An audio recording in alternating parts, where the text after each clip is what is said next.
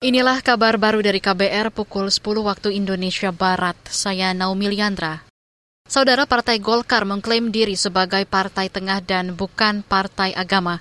Ketua Umum Partai Golkar Airlangga Hartarto mengatakan partainya seimbang dalam kegiatan pemerintahan, kemasyarakatan, dan juga keagamaan. Partai Golkar bukan partai agama, namun Partai Golkar terus mendorong pembangunan spiritualitas masyarakat dengan lembaga-lembaga pendidikan keagamaan. Acara ini tentu diinisiasi agar kita mengingatkan bahwa ormas-ormas yang didirikan Partai Golkar siap untuk berjuang memenangkan Partai Golkar. Ketua Umum Partai Golkar Erlangga Hartarto menambahkan partainya senantiasa berjuang di garis tengah yang bersifat kekaryaan. Erlangga juga meminta organisasi kemasyarakatan yang didirikan Partai Golkar meningkatkan kegiatan safari politik selama Ramadan. Saudara, sebanyak 82 daerah saat ini mengalami defisit stok minyak goreng. Inspektorat Jenderal Kementerian Perdagangan menyebutkan beberapa daerah, misalnya Kabupaten Aceh Selatan, Kota Padang Panjang, Kabupaten Mesuji, Kota Mojokerto, Kota Serang, dan Kabupaten Sorong. Irjen Kemendagri Tom Sitohir Balau menginstruksikan agar ke-82 pemerintah daerah mengecek penyebab defisit minyak goreng.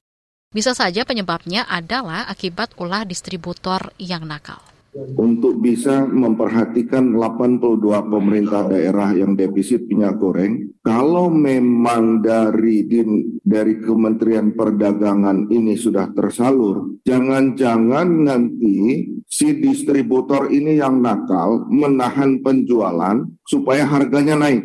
Ah, mohon untuk masing-masing daerah mengecek juga distributor ini.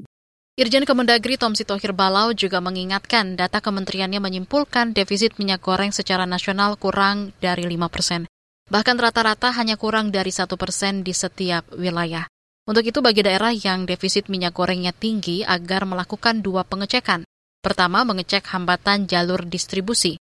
Kedua, mengecek dugaan keterlibatan distributor nakal yang sengaja menahan penjualan minyak goreng.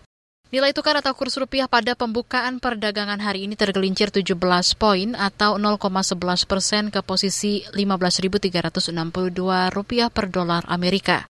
Sementara itu IHSG Bursa Efek Indonesia pada pembukaan perdagangan hari ini dibuka melemah 10,34 poin atau 0,15 persen ke posisi 6.667,9 Sedangkan kelompok 45 saham unggulan atau indeks LQ45 turun 2,31 poin atau 0,25 persen ke posisi 921,9. Demikian kabar baru saya Naomi Liandra.